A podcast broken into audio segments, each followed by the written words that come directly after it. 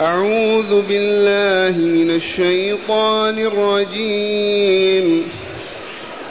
قال فما خطبكم أيها المرسلون؟ قالوا إنا أرسلنا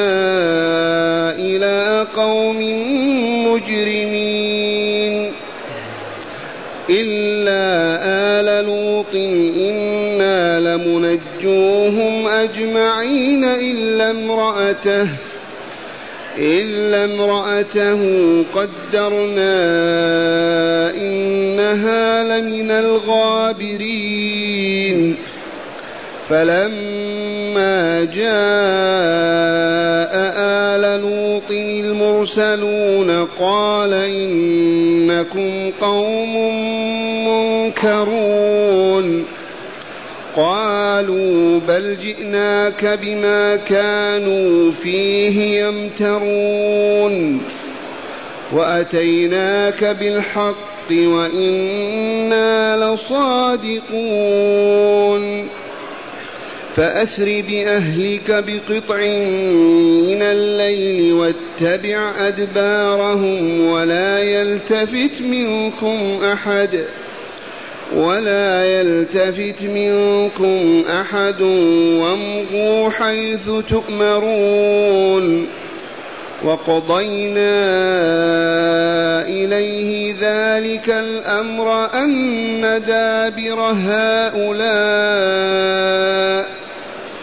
أن دابر هؤلاء مقطوع مصبحين معاشر المستمعين والمستمعات من المؤمنين والمؤمنات. هذه أحداث جسام تمت منذ آلاف السنين. كيف عرفها محمد صلى الله عليه وسلم لولا أنه رسول الله؟ أحداث جسام عجب. تمت منذ آلاف السنين. فكيف لإنسان أن يقصها كأنه المشاهد لها ويصدق في ذلك؟ والله لا يتم هذا لأحد إلا لمن أرسله الله ونبأه. فالآيات تشهد أن محمدا رسول الله. تقرر أن محمدا رسول الله. ومن ثم من أرسله ولم أرسله والجواب بالبداهة أرسله ربه رب العالمين رب الناس أجمعين. لماذا؟ لهدايتهم لإسعادهم في الدارين. إذا لا إله إلا الله محمد رسول الله وأن الدار الآخرة حق.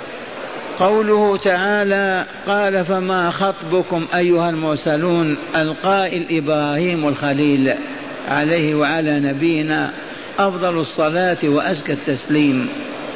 القائل إبراهيم. والمخاطبون الثلاثة الذين عرفنا عنهم بالأمس أنهم جبريل وميكائيل وإسرافيل. نزلوا عند إبراهيم في طريقهم إلى قوم لوط وجرى بين إبراهيم وبينهم حديث منه هذا الحديث قولهم له قوله لهم فما خطبكم أيها المرسلون؟ ليسوا رسلا بمعنى أنبياء ولكن أرسلهم الرحمن عز وجل لمهمة وهي تدمير قرى ومدن سدوم وعمورة حيث فشت فيها الفاحشة واستعظم فيها الجهل والكفر والشر والفساد. ما خطبكم أيها المرسلون؟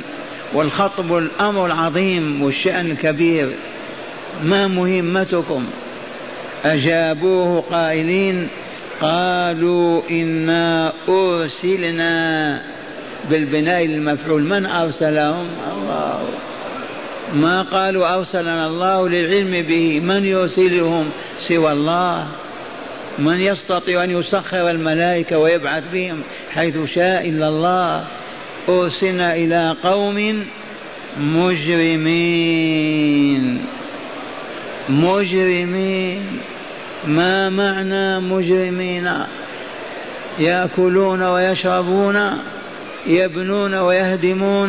ما معنى مجرمين؟ أجرموا على أنفسهم فلوثوها وخبثوها ودنسوها فأصبحت كأنفس الشياطين.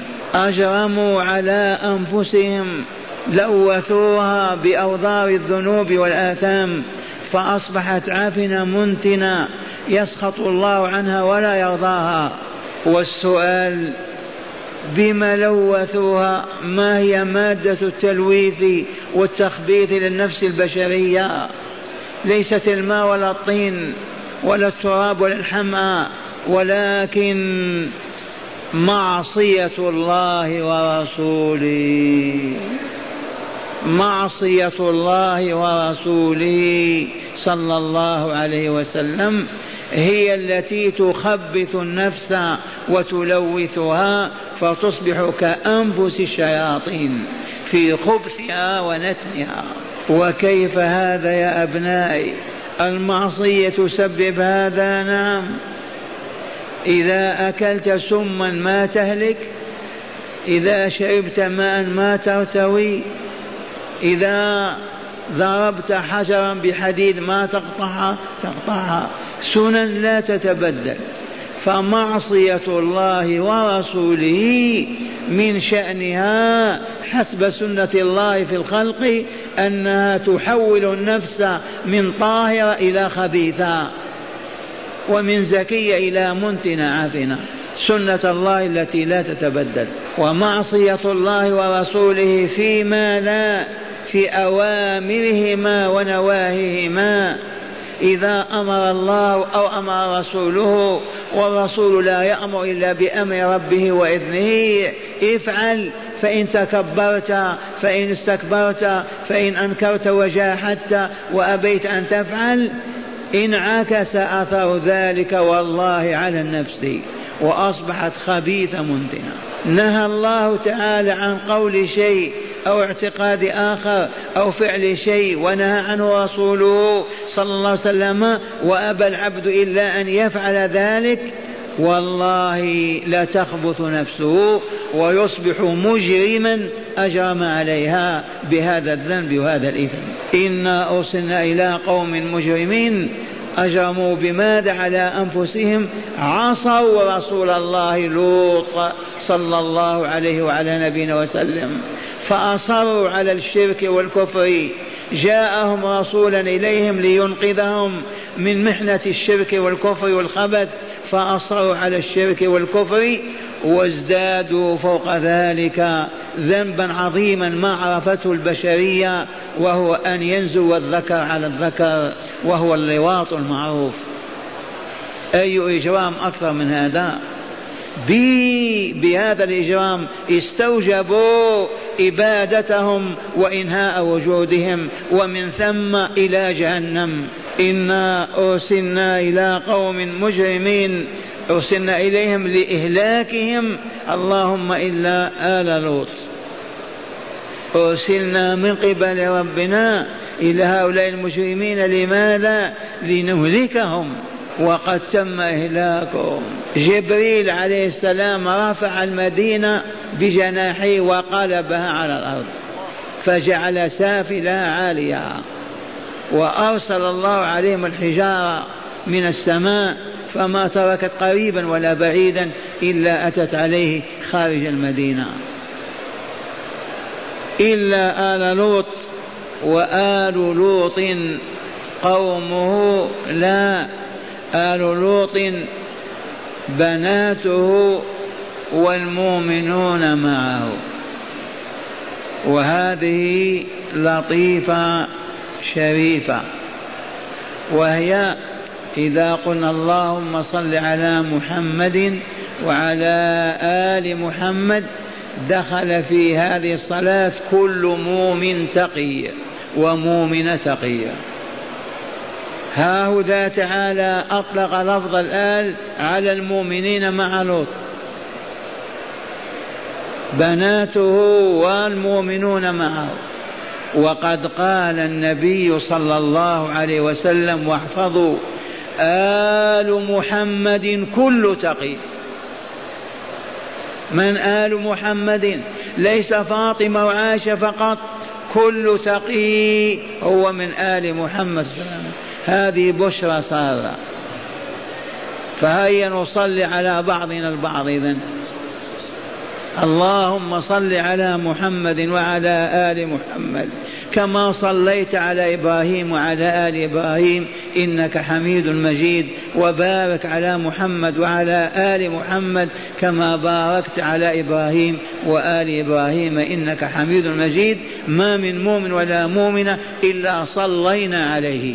إن كان مؤمنا تقيا. اذا الرسول حدد المغزى والمرمى قال كل تقي.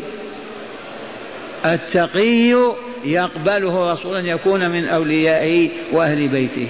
فاجر لا لا. إلا آل لوط. لا نهلكهم. إنا لمنجوهم من الهلاك أجمعين. اللهم إلا امرأته العجوز السوء فإنها مهلكة. العجوز السوء عجوز السوء اسمها.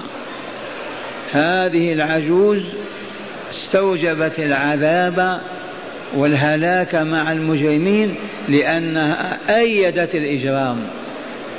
ما فعلته أيدته فقط. فلهذا المجرم ذاك الذي يقف إلى جنب المجرم وينصر على إجرامه ويؤيده وإن لم يفعل.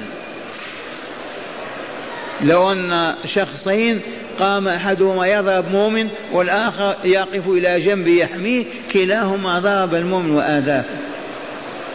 بلا خلاف. فكانت والعياذ بالله تساعد على ارتكاب هذه الفاحشة. وأكبر دليل لما جاء هذا الوفد خرجت وأغرت بهم اللايطين وجاءوا طوقوا البيت وحاولوا أن يدخلوا على الملائكة. ظنوا أنهم بشر. الشاهد مرة لوط العجوز السوء. هذه مع الهالكين. استثناها الله من آل البيت. إلا امرأته قدرنا قضينا حكمنا بأن تكون مع الهالكين. إنه إلا امرأته قدرنا إنها لمن الغابرين الباقين في العذاب والهلاك. من حكم بهذا الحكم؟ الله جل جلاله. كلام من هذا؟ كلام الله عز وجل. كيف يكفر بالله الكافرون؟ يا للعجب. لا أعجب من أن يكفر العبد بربه. يطعمه ويسقيه أوجده من العدم ورعاه وحفظه وكلاه وأصبح عبدا وينكر ربه. أعوذ بالله من هذا المخلوق. هل هناك شر من الكفار؟ ماذا تقولون؟ والله لا القرادة ولا الخنازير ولا الكلاب ولا الحيات ولا السباع شر من الكفار أبدا. كيف يخلقك ويرزقك وترمي عينيك ولا تنظر ولا تقول ربي الله ويأمرك بما فيه هدايتك وصلاحك فتلوي رأسك وتعرض. أي مخلوق هذا؟ شر الخلق. وإن قلتم من أين الدليل على أن الكفار شر الخلق؟ شر كل المخلوقات. الدليل قول الله تعالى من سورة البينة. التي صلينا بها العشاء بالأمس قال تعالى ان الذين كفروا من أهل الكتاب والمشركين في نار جهنم خالدين فيها أولئك هم شر البريئة والبريئة الخليقة والبارئ الله الخالق. ولا بأس أن نقرأ البرية للتخفيف. بإبدال الهمزة يا وإضرامها في الياء للتخفيف فقط قراءة سبعية. وإلا هي من إذا خلق. والله البارئ والمخلوق مبروء والخليقة بريئة بمعنى مبروءة. أي مخلوقة. عرفتم شر الخلق؟ الكافر. سواء كان كتابيا من اليهود والنصارى أو مجوسيا أو مشركا لا يعرف الله ولا يؤمن به الكل الكل شر الخليقة. فكيف نحبهم؟ فكيف نرجو منهم الخير؟ فكيف نأمنهم؟ فكيف فكيف؟ أسئلة لا حد لها. تستطيع أن تتوسد حيا ومن الجائز أن لا تلدغك. ولكن لا تستطيع أن تخلو بكافر فيحتاج إليك ويتركك. والله ما يتركك. ما في قلبه شيء اسمه إيمان أو رحمة. كيف يوثق فيه؟ شر الخلق. إلا امرأته قدرنا إنها لمن الغابرين. الماضين في الهلاك. ثم مشوا من عند إبراهيم. استضافهم خير الضيافة. ماذا قدم لهم في الطعام؟ قدم لهم لحم عجل مشوي محنود. حينئذ لا حنيذ بمعنى محنود. خرجوا من عنده وعلموا أن مهمتهم ما هي عند إبراهيم أمامهم إبراهيم في الشام وهم يريدون مدائن لوط. قال تعالى فلما جاء آل لوط المرسلون. المرسلون من هم يرحمكم الله هنا؟ جبريل وميكائيل وإسرافيل. ماذا تعرفون عن جبريل؟ كالحمامة يعني؟ كالطير بجناحيه. جبريل والله العظيم لقد تجلى وظهر لرسول الله صلى الله عليه وسلم في مكة في جياد جنوب المسجد الحرام. فغطى الأفق كله بستمائة جناح. جبريل أخذ هذه المدن وقلبها رأسا على عقب. الرسول الرسلنا ثلاثة جبريل وميكائيل وإسرافيل. ماذا تعرفون عن إسرافيل؟ ذاك الذي أعد لمهمة وهي أن ينفخ في صور بوق فتنقلب الأرض كلها وتتفتت. نفخة واحدة. والشاهد عندنا فلما جاء آل لوط من هم آل لوط؟ لوط وبناته والمؤمنون الذين آمنوا معه. عددهم قليل محدود. أما العجوز عجوز السوء ليست منهم. فلما جاء آل لوط المرسلون قال إنكم قوم منكرون. دخلوا عليه فجأة في غرف بيته مع أهله فتعجب من أين جاءوا؟ كيف أتوا؟ كيف نجوا من المجرمين؟ فقال إنكم قوم منكرون عندي. ما عرفتكم؟ من أنتم؟ لأنهم في صورة رجال بل شباب حسان. إنكم قوم منكرون. أجابوه قائلين إنا قالوا بل جئناك بما ك... قالوا بل جئناك بما كانوا فيه يمترون جئناك بالأمر وهو وعيد كان يعدهم لوط به ويهددهم. ألا وهو عذاب الله وإهلاك الله لهم. هذا الذي كانوا فيه يشكون ويضحكون ويبكون ويقولون ما يصدق لوط ولا يتم عذابنا والامتراء الشك والعياذ بالله. بل جئناك بما كانوا فيه يمترون. من هم الذين كانوا يمترون في العذاب؟ قوم لوط. يخوفهم يعيدهم بالعذاب يهددهم يضحكون. ويشكون ويقولون ما يمكن هذا غير معقول لا يوجد. وهكذا طول العام وهم مواصلون كفرهم وشركهم ولواطهم والعياذ بالله تعالى. قال إنكم قالوا بل جئناك بما كانوا فيه يمترون وآتيناك وجئناك بالحق وإنا لصادقون. جئناك بالحق لمهمة ننهيها بأيدينا بإذن الله ربنا وإنا لصادقون فيما نقول وهي أن نهلك هذه الأمة. أمة رجال نساء أطفال حيوانات. أمة حضارية متعالية طاغية. جاءوا لتدميرها والقضاء عليها. قال تعالى في آية أخرى فجعلنا عاليها سافلها وأمطرنا عليهم حجارة من سجيل. لأن المدن انقلبت وتحولت إلى بحيرة منتنة. البحر موجود الآن البحر الميت. ومن كانوا بعيدين عن المدن الحجارة أهلكتهم. ما جريمة هؤلاء الذين يقتلون بهذه الصورة نساء ورجالا وأطفالا؟ جريمتهم الكفر والشرك وإتيان الفاحشة وإعلانها. إتيان الفاحشة. من لطائف العلم عندنا أن نذكر دائما أن العرب ونحن والحمد لله منهم من بنو هلال. العرب ما كان يوجد في ديارهم هذه سواء النجد أو الحجاز أو اليمن. ما كان يوجد عندهم بغل. تعرفون ما البغل؟ ما بين الحمار والفرس. نوع آخر ما هو حمار ولا فرس. ماذا يسمى؟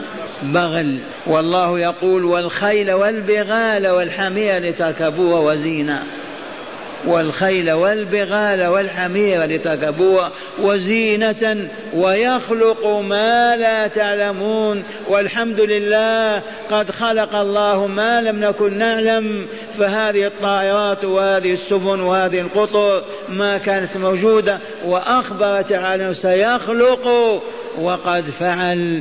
قولوا الحمد لله الحمد لله وصدق الله وصدق رسوله وصدق كلامه كلامه. اسمع كيف السياق والخيل والبغال والحمير لتركبوها وزينة ويخلق بصيغة المضارع المستقبل ما لا تعلمون. والله ما كانوا يعلمون سيارة ولا طيارة ولا قطار ولا ولا أبدا. وتم هذا. وعد فأنجز وهو العزيز الحكيم. إذا وأول بغلة دخلت الحجاز بل المدينة بالذات بغلة دلدل. احفظوا اسمها لأن نبيكم كان يسميها بالدلدل. إن كنتم تحبونه صلى الله عليه وسلم. الدلدل. هذه البغلة أهداها سلطان مصر وملكها مع ماذا؟ مع جارية تسمى ماريا القبطية. لما بعث الرسول صلى الله عليه وسلم كتابه إلى المقوقس ملك مصر ما تنكر ولا غضب ولا بل اعترف بمكانة الرسول فأهداه آم جارية وبغلة. تدخل البلاد لأول مرة. تسمى الدلدل. بغلة. والسؤال لما العرب لا يوجد في ديارهم بغل ولا بغلة؟ لأنفتهم وارتفاع نفوسهم ما يستطيعون أن يسمحوا للذكر أن ينزو على الذكر. والبغلة ما تتولد إلا من حمار ينزو فرسا. فينتج البغل. فلما كانوا ما يقبلون أبدا ذكر يعلو على ذكر بحال من الأحوال. كيف يسلطون الحمار على فرس؟ يموتون ولا يقبلون هذا. لشهامتهم. فمن ثم لا يوجد في ديارهم بغل ابدا حتى جاءت البغله الدلدل. فهمتم هذه؟ ومن ثم عبد الملك بن مروان يخطب يوم الجمعة في مسجد دمشق. فأعلن وحلف بالله. قال والله لولا أن الله تعالى أخبرنا عن قوم لوط ما كان يخطر ببالنا أبدا أن الذكر ينزو أي يعلو على الذكر. حالف في الأمة ما كان يخطر ببالنا هذا أبدا. ولا نعقله. وأول حادثة وقعت في خلافة عمر. في البحرين عجميين نزى بعضهما على بعض. واحتار المسلمون في القضاء عليهم. كيف نحكم؟ علي قال احكموا عليهم كما حكم الله على قوم لوط. أرسلوهم من أعلى الجبل إلى الأرض. فإذا وصل إلى الأرض صبوا عليهم الحجارة. وبهذا أخذ الإمام الأعظم أبو حنيفة إلى اليوم. المذهب الحنفي اللائط واللائطون هذا جزاؤهم. يرسلونهم من جبل عالي إلى الأرض ثم يرجمونهم بالحجارة. والشافعي قال يقتلون فقط بأي صور القتل. والرسول الكريم يقول اقتلوا الفاعل والمفعول به. اقتلوا الفاعل والمفعول به. حتى لو كان حمارا حيوان يقتل ما يبقى. اقتلوا الفاعل والمفعول. وأخذ بعض الفقهاء بالتيسير فقالوا إذا كان اللائط غير بالغ غير مكلف صبي هذا لا يقتل يجلد لأنه غير محصن. أما المحصن فلا خلاف في قتله. قالوا بل جئناك بل جئناك بما كانوا فيه يمترون وأتيناك يا لوط وأتيناك بالحق وإنا لصادقون. فأسر بأهلك بقطع من الليل. عجل. والسري والسراء المشي في الليل. وهو مشروع محمود وخاصة آخر الليل. وكان الرسول يسري. إذا كان مسافرا المشي آخر الليل مناسب. أولا نام الإنسان واستراح ثانيا البرد والهواء والظلام وهكذا. أحسن من المشي أول الليل.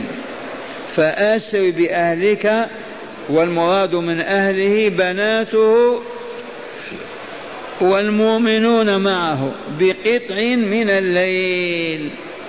القطع والقطعة الجزء من الليل. بالطبع هذا يكون آخر الليل. لماذا؟ لأن أمر الله بإهلاك قوم لوط تعين رسميا أنه مع الصباح مع طلوع الفجر. مصبحين.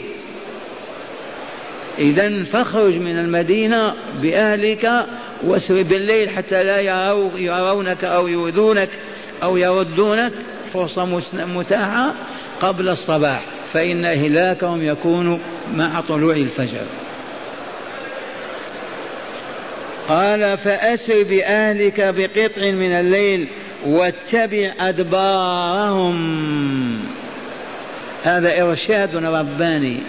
أخذ به الحبيب صلى الله عليه وسلم وأخذ به العارفون بالله إذا كنت في قافلة من القوافل للجهاد أو للميرة أو للتجارة أو للحج وأنت الأمير امشي وراءهم وهم يمشون أمامك.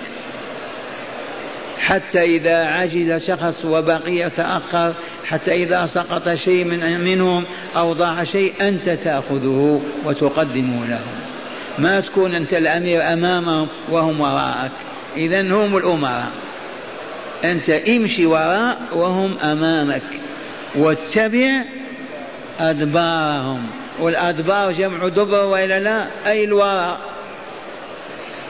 وفي هذا فوائد أخرى حتى لعل منهم من يرجع. ثبات. أو لعل من يأتي بعد يزعجهم.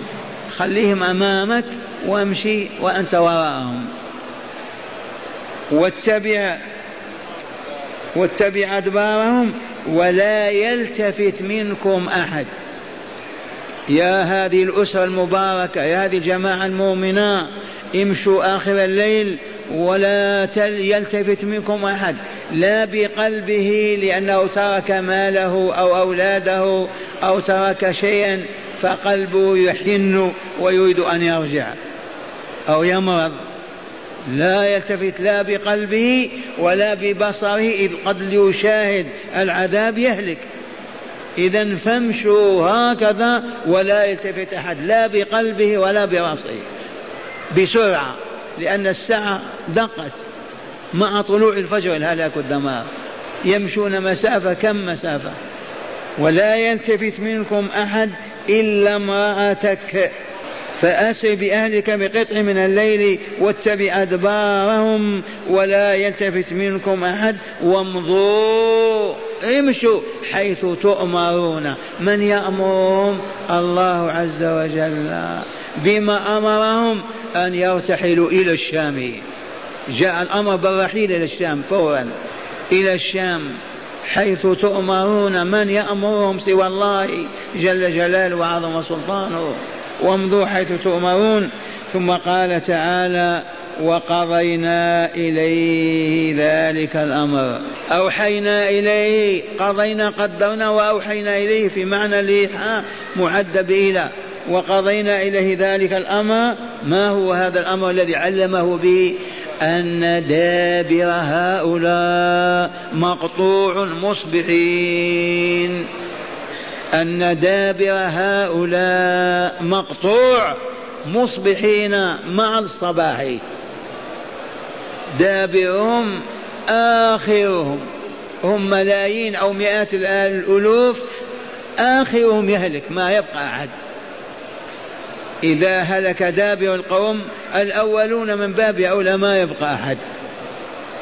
وقضينا إليه ذلك الأمر أوحيناه إليه أي إلى من؟ إلى لوط عليه السلام. والقائل في هذا جبريل ورب العالمين الأمر له أن دابر هؤلاء المجرمين مقطوع ما يبقى والله منهم أحد مصبحين أي حال كونهم داخلين في الصباح والفجر. واستجاب الله وفعل. ما هي إلا تلك الصيحة والضجة والصرخة وهم هالكون. وقلب الله البلاد عاليها على سافلها هذا كلام من يرحمكم الله. كلام الله. كيف لا يؤمن اليهود والنصارى والمشركون بالله؟ يا شيخ كيف لا يتقيه عز وجل المؤمنون به؟ ويعصونه ويفجرون ويرتكبون كبائر الذنوب والآثام ويقتلون الأنفس ويسلبون الأموال وينتهكون الأعراض وهم مؤمنون. والجواب والله ما آمنوا والله ما آمنوا والله ما آمنوا. حق الإيمان. الإيمان يقينا في قلوبهم. من آمن بالله يصبح لا يرى إلا الله وجه وقلبه مع الله يستحي ما يستطيع أن يقول كلمة سوء والله معه ينظر إليه. لكن ما آمنوا وإلا كيف يتم هذا؟ معاشر المستمعين إليكم شرح الآيات من الكتاب. إذا إليكم هداية الآيات. كل آية لها هداية. تعرفون هذا وإلا لا يا زوار؟ كل آية لها هداية. ما هي الآية هذه؟ الآية العلامة. عرفت ولا لا؟ أعطيك علامة تعرف بها بيت فلان وفلان. امشي في هذا الشارع إذا وجدت مكانا كذا تلك هي العلامة. كل آية في القرآن الكريم علامة على أنه لا إله إلا الله وأن محمد رسول الله. والله العظيم. كل آية والقرآن فيه ستة آلاف ومئتين وأربعين آية. كل آية إذا استخدمت عقلك ومنطقك وذوقك تدلك على أنه لا إله إلا الله وأن محمد رسول الله. كل آية. إذا ومعنا هداية هذه الآيات مستنبطة من نفس الآيات. أولا التنديد بالإجرام وبيان عقوبة المجرمين. التنديد بالإجرام وبيان عقوبة المجرمين. من أين أخذنا هذا؟ إنا أرسلنا إلى قوم مجرمين. لنرسل حجارة من طين مسومة عند ربك للمسرفين ثانيا لا قيمة للنسب ولا للمصاهرة ولا عبر بالقرابة. إذا فصل الكفر والإجرام بين الأنساب والأقرباء لا قيمة للمصاهرة. كونه أخو زوجتك وأنت أخو زوجتي. ولا للمناسبة كون أبيك أو أخيك أو عمك أو من قبيلتك لا قيمة لهذا أبدا عند الله. منين أخذنا هذا؟ إلا امرأتك. في أكثر من زوجتك وإلا لا؟ يأخذها الحاكم ويقتلها. كيف تسعد أنت؟ ومع هذا زوجة لوط هذه العجوز عجوز سوء أهلكها الله. وهي امرأة لوط. أين المصاهرة؟ أين نفعها؟ أين أثرها لا قيمة لها. وفوق ذلك والد إبراهيم آزر في الجحيم. كيف أبوه ولده رسول الله وسيد المرسلين وأبوه في النار؟ كيف هذا يتم؟ قولوا ما عرفنا. لأن العبرة ما هي بالنسب ولا بالمصاهرة العبرة بالروح. أزكية؟ أطاهرة نقية؟ أم خبيثة منتنة متعفنة؟ هذا هو سر ذلك. ما هو بنسب ولا قرابة ولا ولا ولا مال ولا وإنما هل الروح طاهرة وإلا خبيثة. يا عباد الله طهروا أرواحكم. وإن قلتم كيف نطهرها؟ أقيموا الصلاة وأكثروا من ذكر الله وتجنبوا كبائر الذنوب والآثام. تزكو نفوسكم وتطيب لا أقل ولا أكثر. ثالثا مشروعية المشي بالليل لقطع المسافات البعيدة وهذا يستعمل الناس حتى الآن. رابعا مشروعية مشي المسؤول وكبير القوم وراء الجيش والقافلة لتفقد أحوالهم والاطلاع على من يتخلف منهم لأمر وكان كذلك رسول الله صلى الله عليه وسلم. منين أخذنا هذا؟ واتبع أدبارهم. خامسا كراهية الإشفاق على الظلم الهالكين. يكره المؤمن أن يشفق أخوه على ظلم الظالمين وفساد المفسدين. كراهية الإشفاق على الظلم الهالكين لقوله تعالى ولا يلتفت منكم أحد إليهم أبدا. لا تشفق عليهم ولا ترحموهم.